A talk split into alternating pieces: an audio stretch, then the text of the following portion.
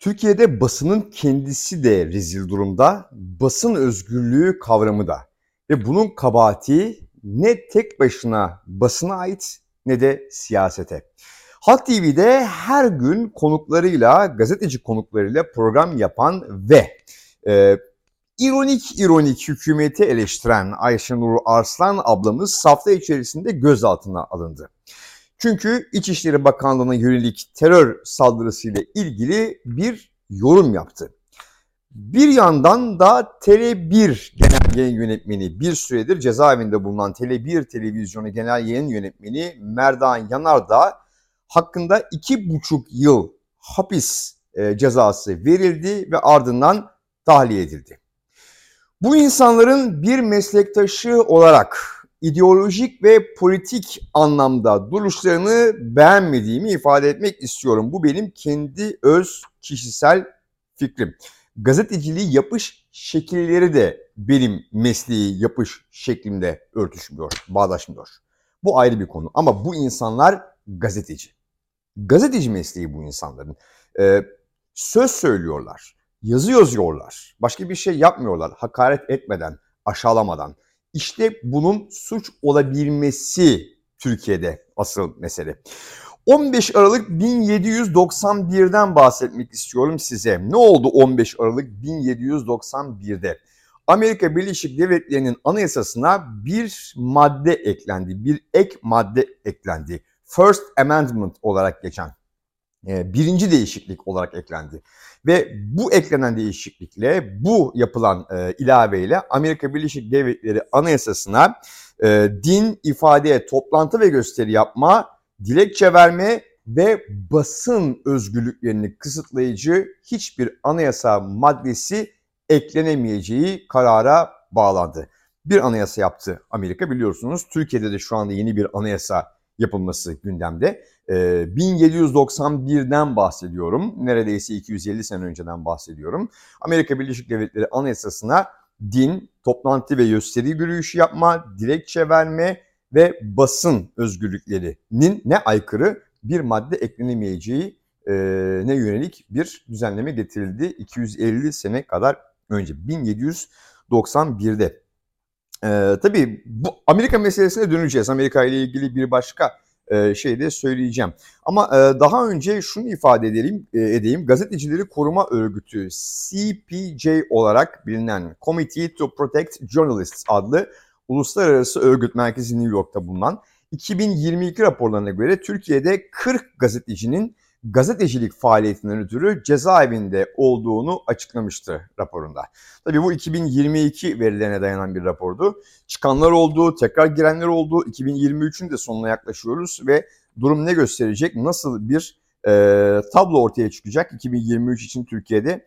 E, bunu da aslında merak ediyorum. Türkiye 40 gazeteciyle, cezaevindeki 40 gazeteciyle e, CPJ'in raporunda e, bu anlamda dünyada en çok gazetecinin hapiste olduğu ülkeler sıralamasında dördüncü sırada. Kim bizden daha üst sıralarda bulunuyor? İran, Çin ve Myanmar. Bizimle aynı kategoride değerlendirilen 3 ülke. Ne güzel. Ee, Amerika'ya döneceğiz dedim. Amerika'ya dönelim. Ee, bir olaydan bahsetmek ve bir örnek vermek istiyorum. Hani Amerika'yı beğenmiyoruz ya. Amerika çok kötü ya. Amerikan halkı cahil ya. Amerika'da e, vahşi bir kapitalizm var ya. E, Amerika emperyalist ya. Bunların bazıları doğru olabilir. Küresel politikası Washington'ın düşünüldüğünde doğru olabilir. Ama biraz önce size bir anayasa maddesinden söz ettim Amerika ile ilgili basın özgürlüğünü kısıtlayıcı hiçbir maddenin anayasaya eklenemeyeceğine yönelik 1791'de çıkartılan bir kanundan söz ettim. Ve o kanun dolayısıyla bir anayasa kanunu olduğu için diğer yasalarda da ona aykırı bir kanuni düzenleme yapılamıyor.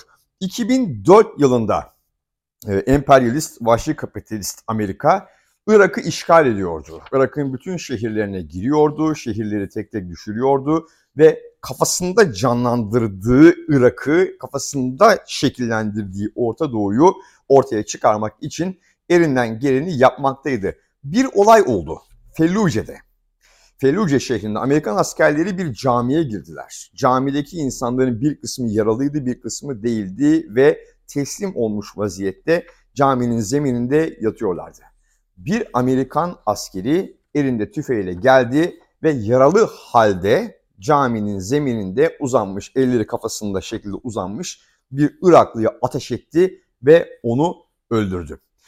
NBC'ye bağlı olarak çalışan Kevin Seitz adlı gazeteci bu olayı görüntüledi. Bu görüntüyü verdiğimde belki hatırlayacaksınız. O dönemlere e, jenerasyon yetişenler bu görüntüyü hatırlayacaklar.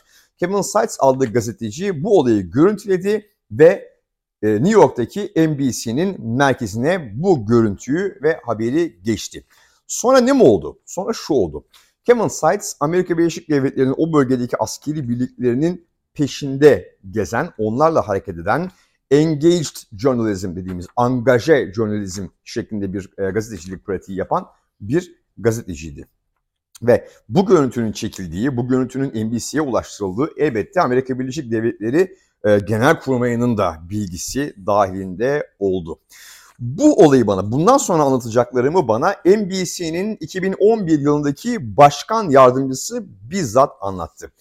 Amerikan Genel Kurmayı'ndan NBC'yi arıyorlar. Diyorlar ki biz bu olayla ilgili bir soruşturma başlatacağız. Bu görüntüyü yayınlamayın ve bize verin diyorlar. NBC'nin yanıtı şu oluyor. NBC Başkan Yardımcısının bana bizzat anlattığına göre. Size bir gün süre veriyoruz. Bu olayla ilgili bir açıklama hazırlayabilmeniz için kamuoyunu tatmin edici ya da etmeyici bilemiyoruz. Bir e, deklarasyon, bir açıklama e, hazırlayabilmeniz için size bir gün süre veriyoruz. Bir gün bekleyeceğiz ve bir gün sonra bu görüntüyü haberiyle beraber yayınlayacağız. Ve NBC bir gün bekliyor, bir gün sonra bu haberi yayınlıyor. İşte o beğenmediğiniz Amerika, beğenmediğimiz Amerika basın özgürlüğü, basın ve kamu otoritesinin ilişkileri anlamında böyle bir ülke. Şimdi bunu da anlattım. Ee, şunu söylemek istiyorum aslında. Yani e, Amerika basın özgürlüğü konusunda ne kadar iyi, Türkiye ne kadar kötü falan gibi bir kıyaslamaya girmek bizim ülkemizde ne kadar bu anlamda e, yetersiz falan diye böyle yakınmak, sızlanmak gibi bir niyetim yok. Şunu söylemek istiyorum efendim. Basın diyoruz ya hani diyorlar ya basın tarafsız olur e, vesaire vesaire. Basın tarafsız falan olmaz. Basın tarafsız olamaz ve zaten olmamalıdır. Yani olmamalıdır zaten olamaz da. Basın ne olmalıdır? Bağımsız olmalıdır basın efendim. Tarafsız olması mümkün değildir. Taraf olacaktır mutlaka. Ama bu tarafını bağımsız bir şekilde patronların iktidarla, kamu otoritesiyle, başka iş kollarıyla ya da başka şekillerdeki çıkar ilişkilerine dayandırarak bu tarafını belirlememelidir. Basın bağımsız olacaktır efendim.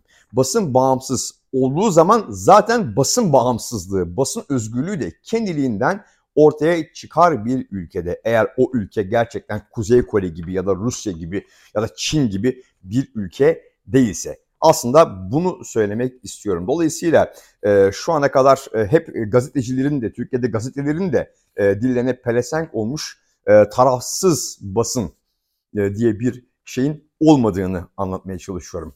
Basın taraf olur ancak bağımsız olursa bu tarafın bu taraf olmasının gerçekten bir anlamı olur. Bu hafta Türkiye'de yine basın özgürlüğüyle ilgili e, gelişmeler yaşandı en başta söylediğimiz gibi. E, Ayşenur Hanım'ın e, gözaltına alınması, e, programlarında tedbir kararı konması, öte yandan Merdan Bey'in serbest bırakılması ama serbest bırakılırken e, iki buçuk yıl gibi bir cezaya da e, çarptırılmış olması gibi. Türkiye'de e, belli ki bu süreç devam edecek. Bir süre daha bilemiyorum e, ne kadar daha e, ama bunu izlemeye devam edeceğiz. Bu süreçleri izlemeye devam edeceğiz. E, ne zamana kadar devam edeceğiz? İşte şu anlattıklarım birazcık toplumsal tabana e, bilinç ve farkındalık düzeyinde yayılana kadar e, yayılmasını bekleyeceğiz gibi görünüyor efendim. Hoşçakalın.